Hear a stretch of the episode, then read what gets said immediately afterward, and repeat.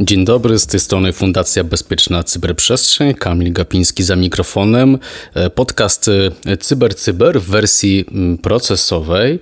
E, dzisiaj kontynuujemy temat który ostatnio mieliśmy, dotyczący normy ISO 27001. Mojej rozmowie towarzyszy jak zawsze Maciej Pyznar. Dzień dobry. Oraz oczywiście, jeżeli mówimy o ISO, no to nasz ekspert dr Janusz Cendrowski. Cześć Janusz. Dzień dobry. Ostatnio e, w naszym podcaście rozpoczęliśmy omawianie obszary, które są e, nowe, na nowo zdefiniowane e, właśnie w zaktualizowanej wersji ISO 27001. I dwa. Dokładnie.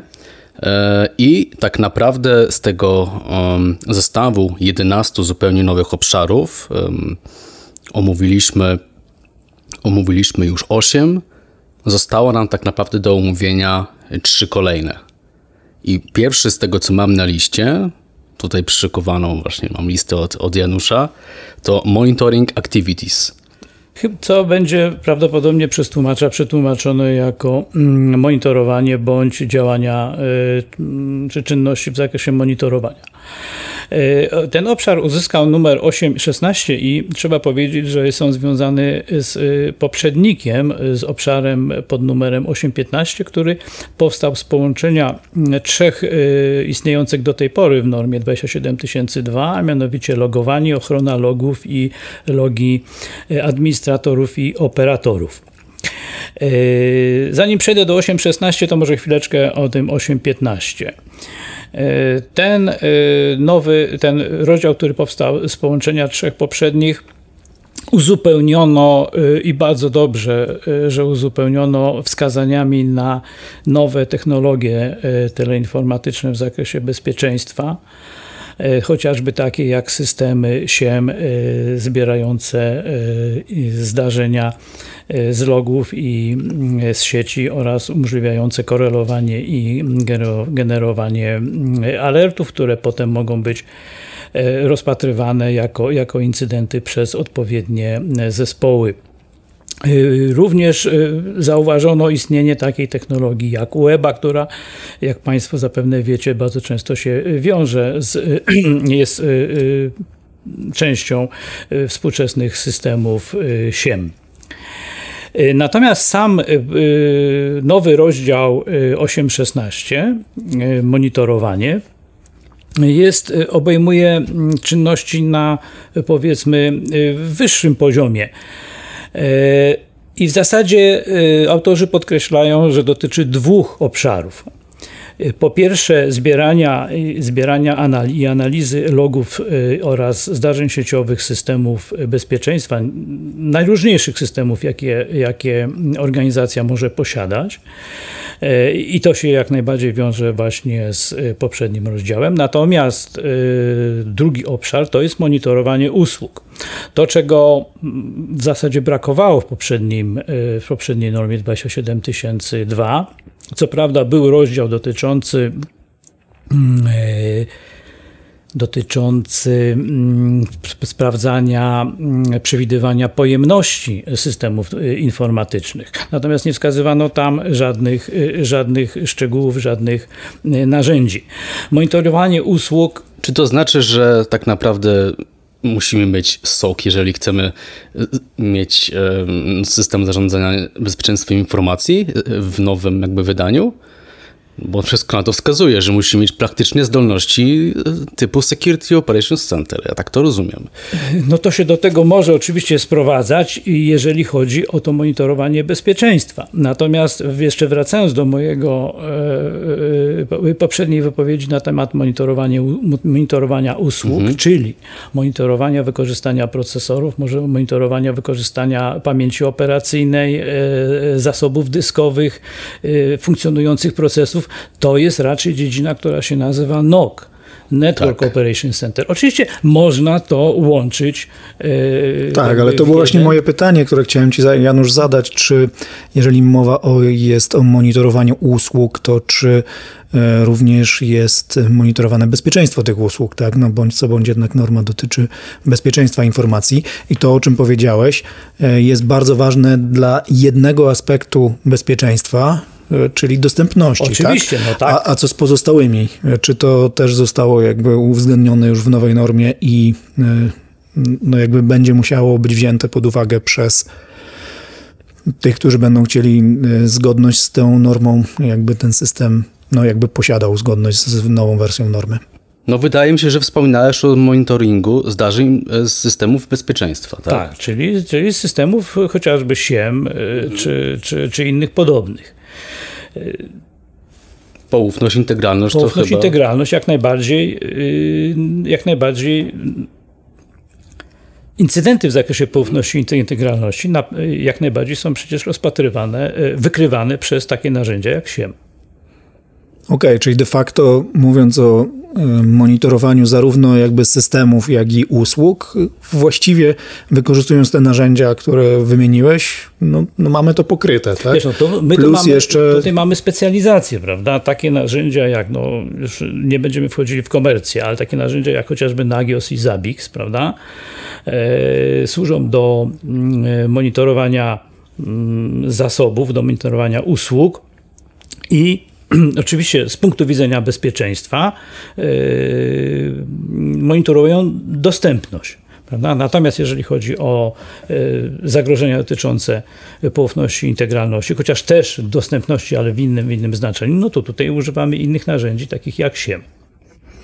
I, okay. I ten podział, podział na soki i noki yy, wynika raczej z tego, że mm, używają różnych narzędzi prawda? i i jeszcze mają powiedzmy inną specyfikę działania. Zazwyczaj Noki koncentrują się na tym, że, że operatorzy szybko przekazują informacje o tym, co e, wykrywają te narzędzia do odpowiednich administratorów i dalej się tym nie zajmują. W sokach mamy drugą, trzecią linię, która zajmuje się dogłębnym badaniem incydentu. No, myślę, że puryści Nokowi tutaj też by was powiedzieli, że też mamy kilka linii wsparcia, ale no zdecydowanie tak, to mniej więcej tak to można ten podział nakreślić. Ja się zastanawiam, e, tutaj jak chyba słuchacze już mm, zdążyli zrozumieć, że no, my mamy pewnego z Maćkiem bzika na punkcie monitorowania, za dużo pytań zadajemy, ale ja się zastanawiam, czy w ramach e, w ogóle tego monitoring activities jest, um, czy można te wymagania, ten obszar tak odczytywać, że to musi robić człowiek, czy to może być zautomatyzowane? To, jest, to już jakby jest w geście rozumiem tego, który wdraża u siebie system, tak?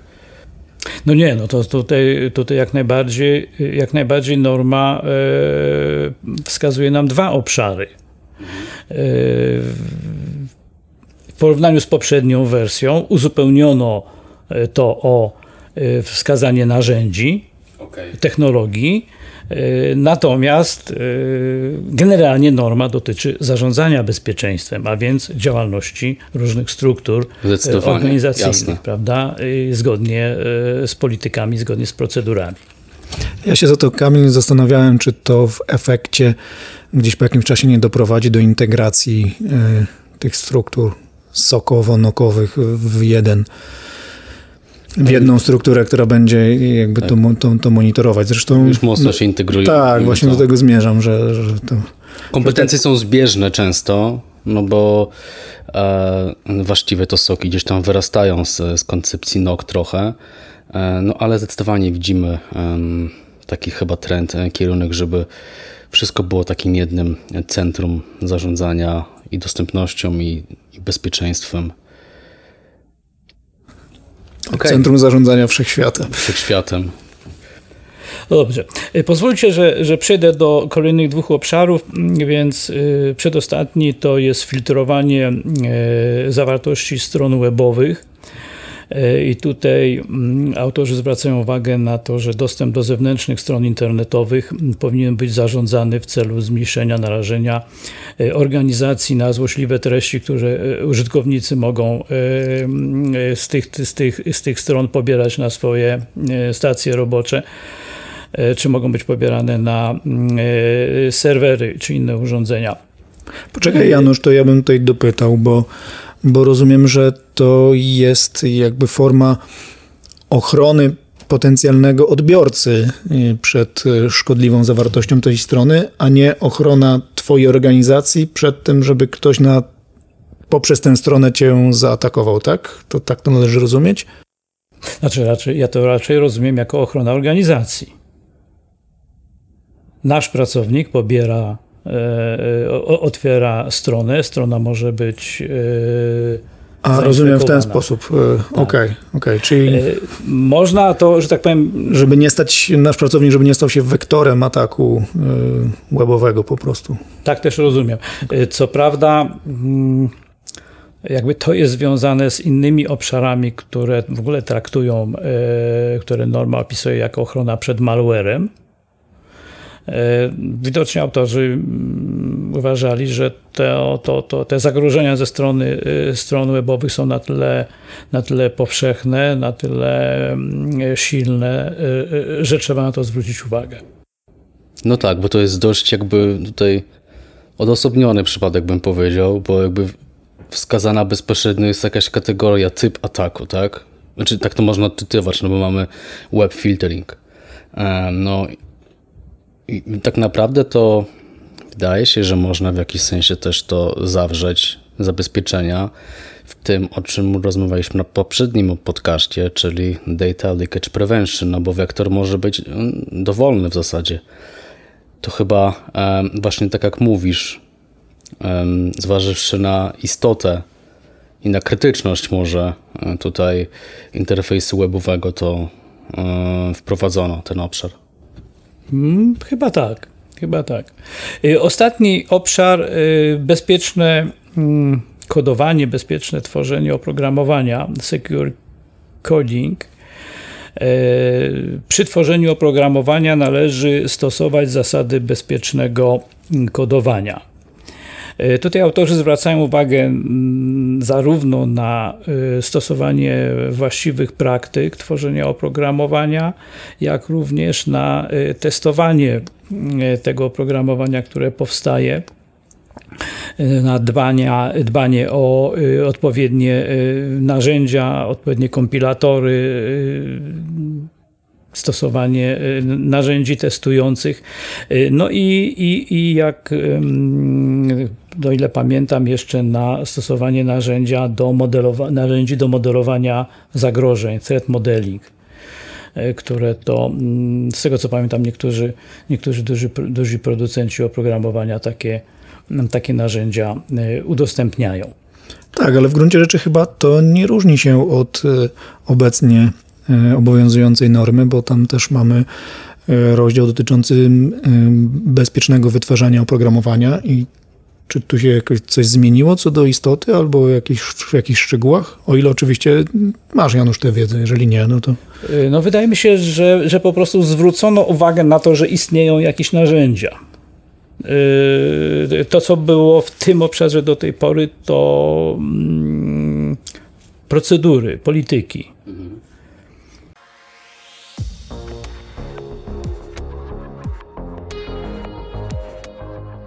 Partnerem strategicznym podcastu CyberCyber jest Koncert SA, lider na polskim rynku cyberbezpieczeństwa. Sprawdź nas na www.koncert.pl. No tak, bo musimy tu pamiętać, że już to o tym wspominaliśmy, ale autorzy się, jak tutaj ujęliśmy wcześniej, przeprosili z technologią, tak? tak. Więc to ma jakby wpływ na wiele tutaj tych obszarów i tych kontrolsów, zabezpieczeń. E, okej. Okay. E, no to co, zdefiniowaliśmy sobie 11 nowych obszarów. I chciałbym w tym, w tym miejscu przejść do kolejnego mm, zagadnienia, które wprowadza nowa norma 27002 a mianowicie szereg różnych atrybutów, które są nadawane mm, tym zabezpieczeniom które zostały zdefiniowane. No tak naprawdę mieliśmy wcześniej właśnie w 27002 um, zaproponowane e, zabezpieczenie i to wszystko. Tak, zabezpieczenie i spełniamy tak, lub, jego, lub jego, nie, jego tak? definicję, jego definicję, e, cel, e, jaki, jaki on ma, ono ma spełnić. Teraz wprowadzono dużo, można powiedzieć, tych atrybutów w pięciu kategoriach. Y, pierwsza kategoria, ja może powiem najpierw o drugiej. No, druga kategoria jest oczywista. Istnieją trzy właściwości, albo czasem kiedyś nazywane atrybutami, czyli poufność, integralność i dostępność. I e, każde, każdemu zabezpieczeniu przypisano, czy ono ma zapewnić poufność, czy integralność, czy dostępność określonych e, aktywów. Natomiast e, inny, inny e, atrybut, a mianowicie typ e, zabezpieczenia. On jest związany z tym, że od dłuższego czasu klasyfikowano zabezpieczenia jako prewencyjne, detekcyjne, monitorujące, korygujące, reaktywne itd. Tak Takich klasyfikacji y, ja widziałem sporo. Tutaj norma stanęła na, autorzy normy stanęli na, na stanowisku, że wystarczy klasyfikacja y, taka trzystopniowa, a mianowicie preventive, detective, corrective, czyli zabezpieczenia prewencyjne, detekcyjne bądź monitorujące, zależy jak, jak sobie jakie przyjmiemy tutaj mm, y, tłumaczenie i korektyw, czyli korygujące bądź, y, bądź, bądź reaktywne. Zastanawiałem się, do czego to mm, można, ta, ten, ten, te typy zabezpieczeń, do czego mogą być przydatne. Doszedłem do wniosku, że one są bardzo przydatne do szacowania ryzyka. A mianowicie jak wiemy, e, jak radzi nam, zaleca nam norma 27005, ryzyko mm, to jest kombinacja to jeszcze zależy, czy stosujemy wzór, czy, czy, czy, mm, czy inne podejście, kombinacja prawdopodobieństwa wystąpienia incydentu i następstw, jakie ten incydent może wywołać. I nasze doświadczenie po, podpowiada nam, że jeżeli chodzi o prawdopodobieństwo, to zmniejszenie tego prawdopodobieństwa realizujemy poprzez zastosowanie zabezpieczenia prewencyjnego.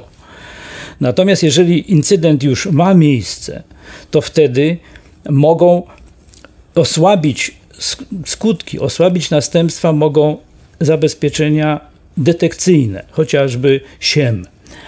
E, chociażby jakiś inny system e, monitorowania, reakcja na ten incydent, izolacja tego incydentu, odcięcie organizacji od e, źródła, tego, od źródła zagrożenia.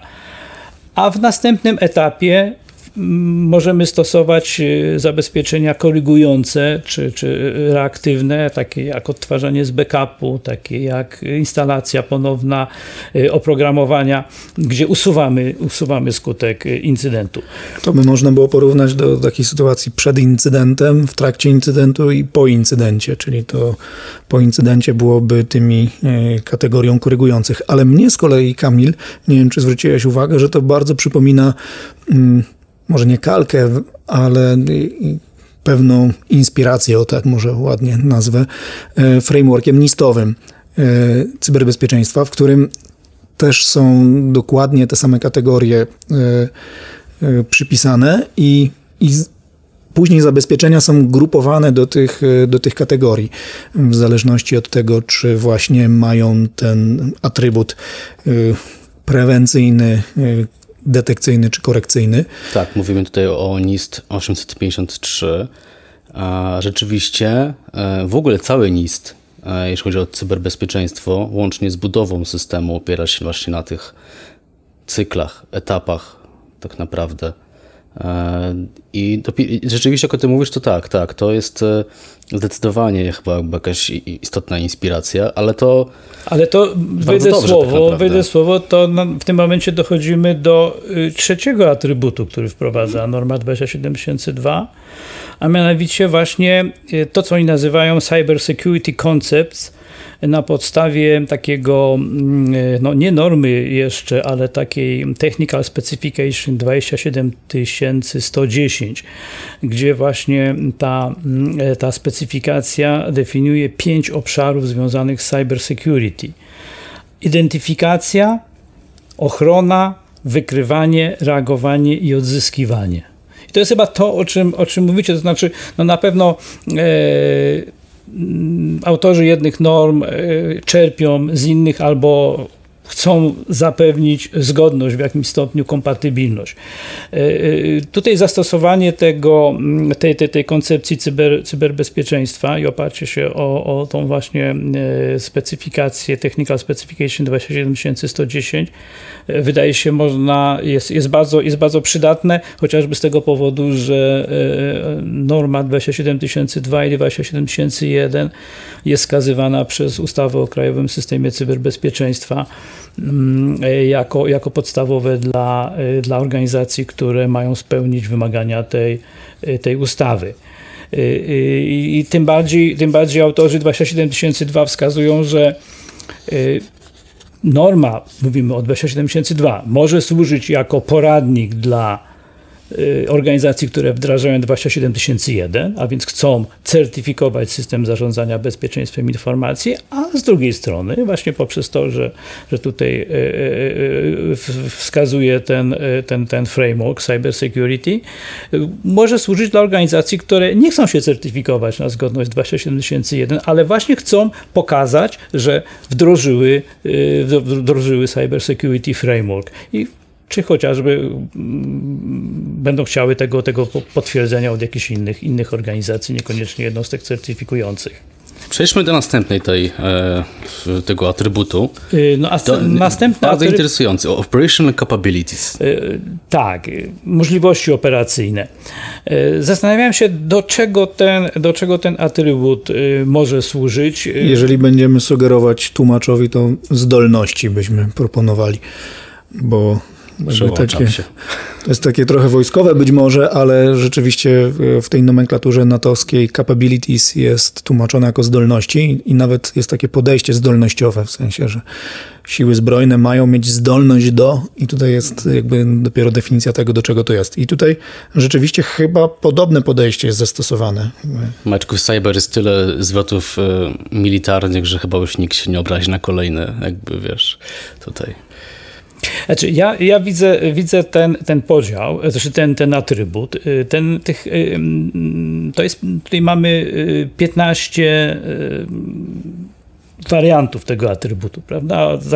Począwszy od governance, asset management, information protection, zakończywszy na information security assurance. Ale to są zdolności po prostu, tak? tak. Czyli mamy mieć zdolność operacyjną do Human Resource Security, na tak? czyli, czyli bezpieczeństwa zasobów osobowych. Tak, na przykład. No i teraz praktyczna realizacja tego pewnie znajdzie się, jak znam życie, tak jakby w normie jest przyjęte w 27002, gdzie będą jakby, no jakby rekomendacje o tego, w jaki sposób zastosować albo osiągnąć może ten parametr.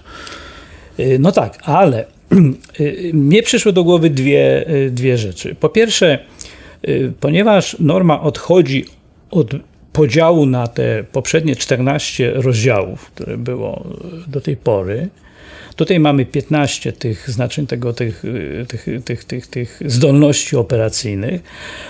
Jakbyś to troszkę mapuje się na, poprzedni, na poprzednią strukturę, znaczy strukturę poprzedniej normy, po to, żeby ułatwić y, poruszanie się. To jest jedna rzecz. E, druga rzecz, e, no, poprzednio nie było żadnego rozdziału na temat governance, natomiast ten, to pojęcie governance, czyli to, co my nazywamy czasami ład, ład korporacyjny, występuje w bardzo wielu innych e, regulacjach, takich jak COBIT, takich jak ITIL, takich jak norma 27 tysięcy, przepraszam, 20 tysięcy. To też y, będzie przydatne do tego, żeby, żeby zapewnić jakąś y, kompatybilność z innymi, y, z innymi właśnie regulacjami. Natomiast jeszcze trzecia rzecz mi przyszła do, do, do głowy, a mianowicie mm, swego czasu tworząc dla kolejnego klienta system zarządzania bezpieczeństwem informacji, przypisywałem do różnych dokumentów mm, kategorie pracowników, których te dokumenty dotyczą. Prawda? Inne dokumenty, inne regulacje wewnętrzne dotyczą managementu, inne użytkowników systemów, inne e, kadry IT, inne jeszcze ochrony, e, ochrony fizycznej, czyli pracowników ochrony fizycznej. Niektóre dotyczą oczywiście e, wszystkich. Tutaj patrząc na, na te zdolności operacyjne, też można powiedzieć, że oczywiście governance dotyczy managementu, asset management dotyczy managementu, ale na przykład y, information protection to są wszyscy użytkownicy, bo wszyscy użytkownicy systemu, wszyscy pracownicy muszą, muszą e, e, spełniać e, wymagania, stosować się do, do wewnętrznych wymagań dotyczących mm, bezpieczeństwa systemów i informacji i tak dalej. Czyli, czyli mm, Janusz, to, czy, ja to przypisanie przerwać? zabezpieczeniu danego, danego właśnie zdolności ułatwi, według, według mnie, ułatwi yy, określenie, kogo naprawdę, kto odpowiada za to, że to zabezpieczenie yy, musi być wdrożone, bądź ma stosować się do tego zabezpieczenia. Tak, ja tu dygresję chciałem dać jedną małą, ale y, tutaj taki szybki quiz dla Kamila. Y, Dlatego, że wśród y, tych zdolności operacyjnych, o, których tutaj mowa, jest taka zdolność, która nazywa się Information Security Event Management. I chciałem Cię zapytać, co Ci to przypomina, albo co, co to jest? Czy to mi po pierwsze się bardzo efektywnie łączy z, z, z frameworkiem firstowym, czyli z frameworkiem, tym co mają robić właśnie zespoły typu CERT, typu SOC potencjalnie również. Tak, żeby to bardzo dobra odpowiedź. Właśnie e, przy żeby słuchacze mieli jasność, nie ustalaliśmy tego i Kamil z lekkim przerażeniem na mnie spojrzał, kiedy, e, kiedy powiedziałem, że mam dla niego mały quiz. Ale rzeczywiście, do, dokładnie tak. To jest e, jedna, jeden z obszarów usługowych i, no i tak naprawdę w końcu nam się zaczynają widzieć te wszystkie e, nie wiem jak to nazwać, dobre praktyki, standardy, zarówno e, jeśli chodzi o NIST, jak i, jak i FIRST, jak i inne. Ale być może jest to tak samo odpowiedź na Twoje pytanie, czy powinniśmy mieć zespół, e, który nazwiemy jakby roboczo Security Operations Center. Tak? Jeżeli tak byśmy do tego podeszli, to prawdopodobnie spełnieniem większości wymagań było, odpowiedzią na, na, na, te wymagania i ich, sposobem ich spełnienia byłoby właśnie posiadanie takiego zespołu SOC, który jako podstawowy swój obszar działalności ma właśnie mm, Information Security Event Management. Nie? I to, to nam się chyba zaczyna powoli tak, wskakiwać te puzzle. Oczywiście zazębiają się trochę te standardy, frameworki tutaj. E, no i bez wątpienia obszar monitorowania, obszar soku, SIEM-u, znaczy, nie ma się co dziwić, tak? To jest temat e, bardzo istotny dzisiaj. Nie, ja chciałem w ogóle zaznaczyć, że to super jest, tak? No bo w końcu jakby zaczynały się zauważać nawzajem te i organizacje, i, i te dokumenty, i już nawet to mapowanie, które jest rozległe pomiędzy tymi standardami, tak jak patrzysz na mapowanie NISTowe, na, na, na mapowanie e, normy ISO 27 serii, to ono jest rozległe, no to teraz być może będzie po prostu prostsze. Czyli Amerykanie i no powiedzmy Europa będzie mówiła teraz jednym językiem bezpieczeństwa. No i jest od International, także nie jest tylko Europa, no ale tak czy inaczej rzeczywiście e, to w Europie ISO bardziej są rozpowszechnione standardy niż NISTowe. Ostatni atrybut nam został, Security Domains. No z tym atrybutem mam, y, powiem wam, y, pewien y, problem.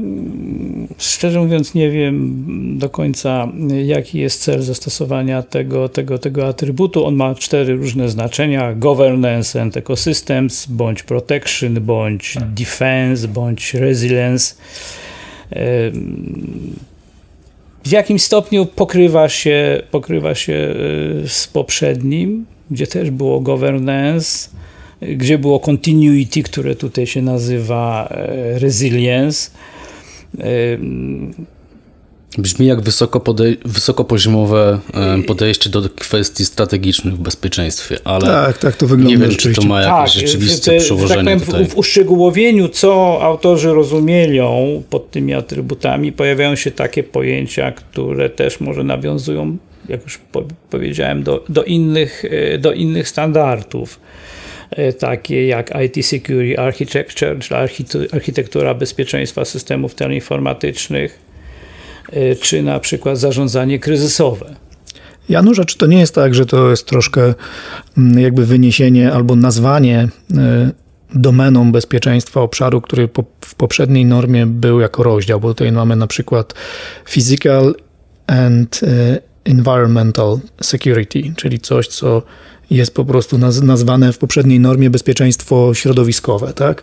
No, Fizyczne i środowiskowe. No I... tak, ale z drugiej strony tam nie masz tam nic na temat zarządzania kryzysowego. Nie, no to jasne. Tak, no. Dlatego mi się wydaje, że to raczej jest ukłon w stronę innych, yy, może w stronę innych standardów. No to tym lepiej. Albo, te Kamil mówi, próba jeszcze jednego podziału, dlatego że jak widzę mm, no, właściwie zabezpieczenia będą teraz opisywane w ten sposób, że, że najpierw będzie właśnie odniesienie się do, e, do tych atrybutów, czyli będzie typ zabezpieczenia, e, właściwości, a właściwie czyli cechy bezpieczeństwa informacji, na które wpływa, później do którego jakby podejścia należy, później jakie są operacyjne zdolności, no i później której domeny bezpieczeństwa to dotyczy. No a później będzie opis jakby tego zabezpieczenia, jego cel, no i wytyczne, które będą jakby uszczegółowieniem tego, w jaki sposób zrealizować.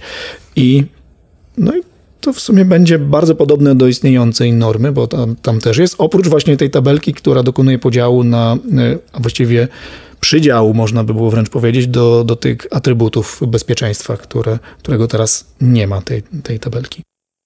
No dobrze, to przejdźmy w takim razie do normy 27001, czyli tej, która ma służyć do budowy już konkretnego systemu zarządzania bezpieczeństwem informacji. E, norma, jak wiadomo, składa się z dwóch części. To jest część główna i załącznik e, A. W części głównej zmiany są naprawdę kosmetyczne w porównaniu z poprzednią normą z 2013 roku, oprócz rozdziału 8.1, w którym e, który poprzednio był traktowany jako bardzo ogólny, bo on był jakby wstępem do rozdziału 8.2 dotyczącego przeprowadzenia szacowania ryzyka i 8.3 przeprowadzenia mm, procesu postępowania z ryzykiem. Teraz do, do rozdziału 8.1 dopisano kryteria, które należy opracować w zakresie planowania i nadzoru nad procesami operacyjnymi, w szczególności nad tym zarządzaniem ryzykiem i, i postępowaniem z ryzykiem. E, no to teraz organizacje będą, żeby przejść kolejny audyt, będą musiały takie kryteria sobie wypracować. No, kryteria skuteczności, efektywności tych, e, tych e, procesów. No, chociażby czy jeżeli kolejne postępowanie z ryzykiem, przepraszam, szacowanie z ryzykiem będzie dawało te same rezultaty, to znaczy, że proces jest skuteczny, czy nie jest skuteczny, bo być może tylko powielono, nie zastanawiając się nad tym, co naprawdę e, się w ciągu poprzedniego roku e, zdarzyło, prawda? Czy nie pojawiły się nowe zagrożenia, czy prawdopodobieństwo zagrożeń nie, e, nie wzrosło i, i czy nie, nie pojawiły się nowe mm, istotne, czy nie, przepraszam, czy nie zmieniły się atrybuty aktywów informacyjnych, które, które posiadamy. Także tutaj to będzie zadanie do, na pewno do rozwiązania przez organizację. Jeżeli chodzi o załącznik, to oczywiście załącznik jest w tej chwili odbiciem nowej normy 27002, a więc ma inny układ, y, tyle punktów, ile jest rozdziałów w normie 27002. E, no i oczywiście mm, ten załącznik jest napisany w trybie wymagań, a nie w trybie zaleceń, jak, jak to jest napisana norma 27002. Także jeżeli tłumaczenie konkret, nazwy zabezpieczenia, przepraszam, treści zabezpieczenia w normie 27002 będzie brzmiało w zakresie Threat Intelligence. Zaleca się, aby informacje dotyczące zagrożeń bezpieczeństwa informacji były gromadzone i analizowane w celu wytworzenia Threat Intelligence, no to w 27001 w załączniku ta definicja będzie, napis, będzie yy, potraktowana w ten sposób. Informacje dotyczące zagrożeń bezpieczeństwa informacji powinny być gromadzone i analizowane w celu wytworzenia threat intelligence. Tak, i tutaj jest ciekawy przykład, bo, bo nawet w komentarzu ktoś nam zwrócił uwagę na to, co jest pierwsze. Czy najpierw jest wytyczna, czy najpierw jest wymaganie i, i, w sumie sami nie wiemy, czy, czy pierwsze jest jajko, czy kura. W rozumieniu takim, jak, jak, wygląda ten proces od środka, Janusz, czy najpierw tworzy się wymagania, czy najpierw tworzy się e, wytyczne, czyli która norma jest pierwsza, krótko rzecz ujmując. Dwójka czy jedynka? bardzo, dobre, bardzo dobre pytanie. E, historycznie rzecz biorąc, e, Pierwowzorem normy 27 tysięcy była norma BS 7799, e, gdzie e, norma dotyczy, zawierała zalecenia. Została potem przemianowana na BS 77991 i dopisano do niej część drugą, BS 7792, zawierającą wymagania. Aha, Bo najpierw, się, na, najpierw się pojawiły zalecenia dla organizacji, a potem wychodząc naprzeciwko chęciom czy potrzebom certyfikowania, na podstawie zaleceń opracowano, czy wytycznych, jak to mówisz, y, opracowano wymagania, prawda? I, I y, te wymagania już są podstawą do certyfikacji, prawda? Za, y, jeżeli mówimy, że stosujemy normę 27002, to znaczy, że możemy te, te, zalecenia wybierać tak, jak nam pasuje. Jeżeli mówimy, że stosujemy normę 27001, to musimy spełnić wszystkie wymagania. No, z jednym, z jednym wyjątkiem możemy w deklaracji stosowania napisać, że pewne wymagania z załącznika nie stosujemy, bo to jest uzasadnione powiedzmy jakimś no, charakterem naszej organizacji. Okej, okay, no to przejdźmy Czyli do naszych systemów, tak. Tak, do, do tej deklaracji stosowania, bo, bo zdaje się, że ona uległa zmianie teraz, no, albo no, co najmniej no to znaczy, w jakiś sposób to, znaczy inaczej, to będzie miało wpływ na organizację. Inaczej, tak? deklaracje stosowania, które są w tej chwili opracowane w organizacjach, które... Są nieaktualne. Które e, mają certyfikowane systemy e, SZBI, one będą musiały zostać przerobione gruntownie zmodyfikowane pod kątem nowego e, załącznika. No właśnie, to może przejdźmy do, do tego, co... Jak to jest w praktyce tak naprawdę? Jeżeli jest organizacja, która tydzień temu się certyfikowała na właśnie to ISO, to, to ona jest teraz certyfikowana, czy... Jest, no jest, jest, jest, jest. E, w tej dziedzinie nic się nie dzieje, nie dzieje natychmiast. E, przyjętą, e, jest przyjęta zasada, że mm, nowa norma 27001 wchodzi e, z trzyletnim takim powiedzmy, no może to nie jest vacatio legis, Okres ale, zastosowania? Też ale tak, ale jej obowiązywanie nakłada się przez 3 lata na poprzednią normę, także organizacje mają 3 lata na przejście ze starej normy na nową normę.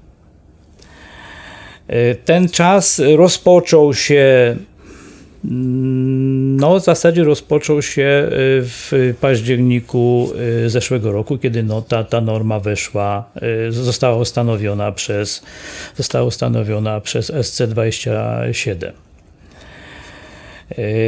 Z tym, że co ciekawe, tu trzeba powiedzieć, że nawet gdybyśmy chcieli w tej chwili rozpocząć certyfikację na nową normę 27122, to nie możemy jeszcze, gdyż, gdyż jednostki certyfikujące, przynajmniej te, te europejskie jednostki certyfikujące, nie przyjmą od nas takiego zgłoszenia, gdyż same muszą się akredytować na rozszerzenie swojego zakresu e, certyfikowania w, w, swoich narodowych centrach akredytacji.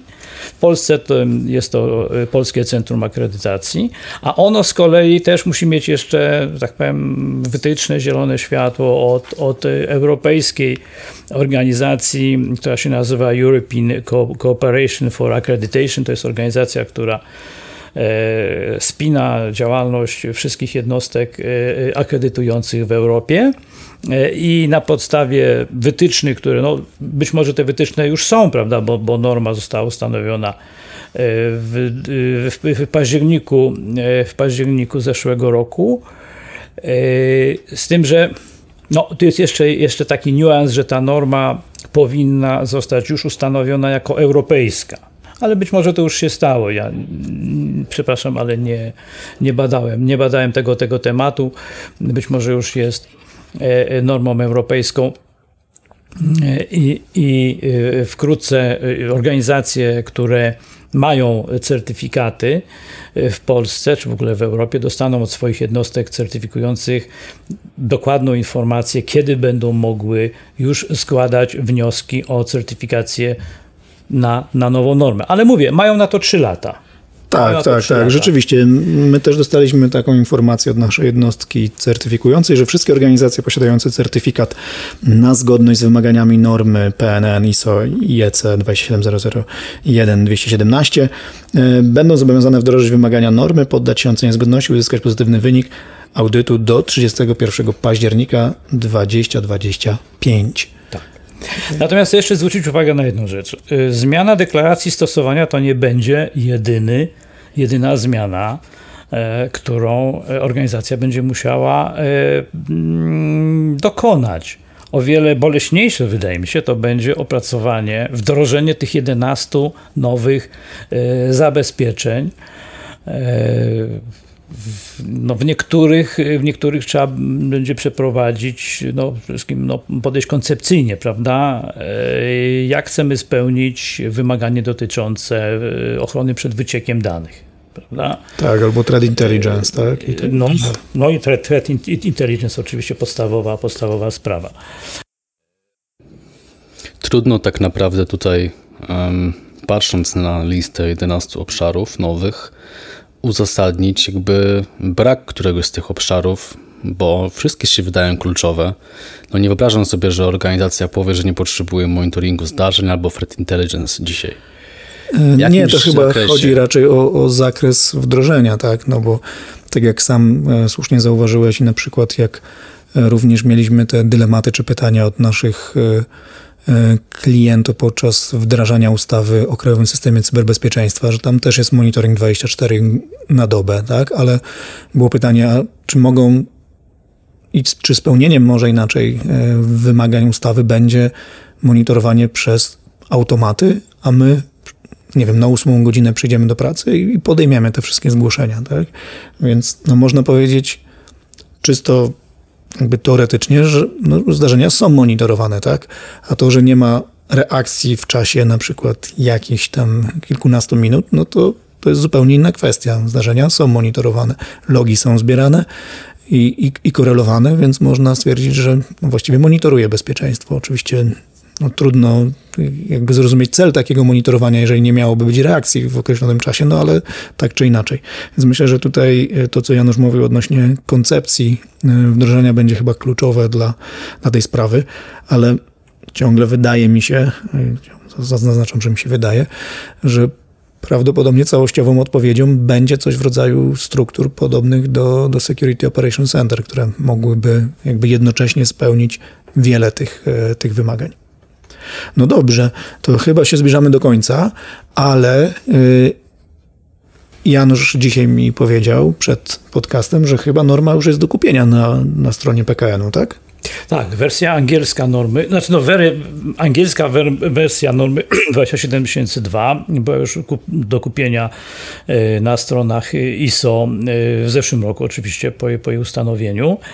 E, natomiast zauważyłem, że już w piątek, w zeszłym tygodniu, że pojawiła się w Polskim Komitecie Normalizacyjnym jako polska norma w języku angielskim, to znaczy ona ma stronę tytułową polską i, i natomiast reszta jest w języku angielskim i jest już do kupienia na, no, za stosunkowo mniejsze pieniądze niż trzeba płacić w frankach szwajcarskich, tylko w złotówkach. Mm, czyli jest do kupienia, tak. No cóż, dokumenty są dostępne. E, my polecamy na pewno e, z nimi się zapoznać e, a także mm, obserwować dalej ten jakby proces tłumaczenia, rozumiem, i ten wdrażania tak jakby polskiej, polskiej normy. No ten proces y, tłumaczenia, no norma jest obszerna. Ten proces tłumaczenia potrwa kilka miesięcy, potem uzgadnianie y, nowych, nowych, nowej terminologii, no z, tym zawsze jest, z tym zawsze jest kłopot, na ile zostawić termin angielski, gdzie, gdzie zastosować termin polski, jaki. To czasami mogą być różne opinie różnych gremiów. No ale w końcu, w końcu, można powiedzieć, po jakimś roku to dochodzi do, do tego momentu, kiedy norma już jest ustanowiona. No niestety ustanowienie polskiej, polskiej normy trwa około, około roku z tymi, z wszystkimi mm, e, z, zgodnie z, z procedurami, które stosuje polskie Polski Komitet Normalizacyjny. Czyli ktoś, kto nie chce czekać na, na wersję polską, może kupić wersję anglojęzyczną i myślę, że doskonale zrozumie wszystkie wymagania. Po pierwsze, jak i te e, właściwie, bo mówimy o 27002, to, to zalecenia, które, które się tam pojawiają. Może też słuchać naszego podcastu, bo pewnie jeszcze do tematu wrócimy w jakimś tam um, obszarze. No cóż, e, dziękuję Wam, panowie. Janusz Cenderowski dziękuję. był naszym gościem, ekspertem od właśnie e, tych zmian i w ogóle od systemu e, bezpieczeństwa informacji. Maciej Pyznar. Dziękuję bardzo. Dziękuję. Kłania się Fundacja Bezpieczna Cyberprzestrzeń, Kamil Gapiński. I cóż, bądźcie cyberbezpieczni. Do usłyszenia. Cześć. Do widzenia, do usłyszenia.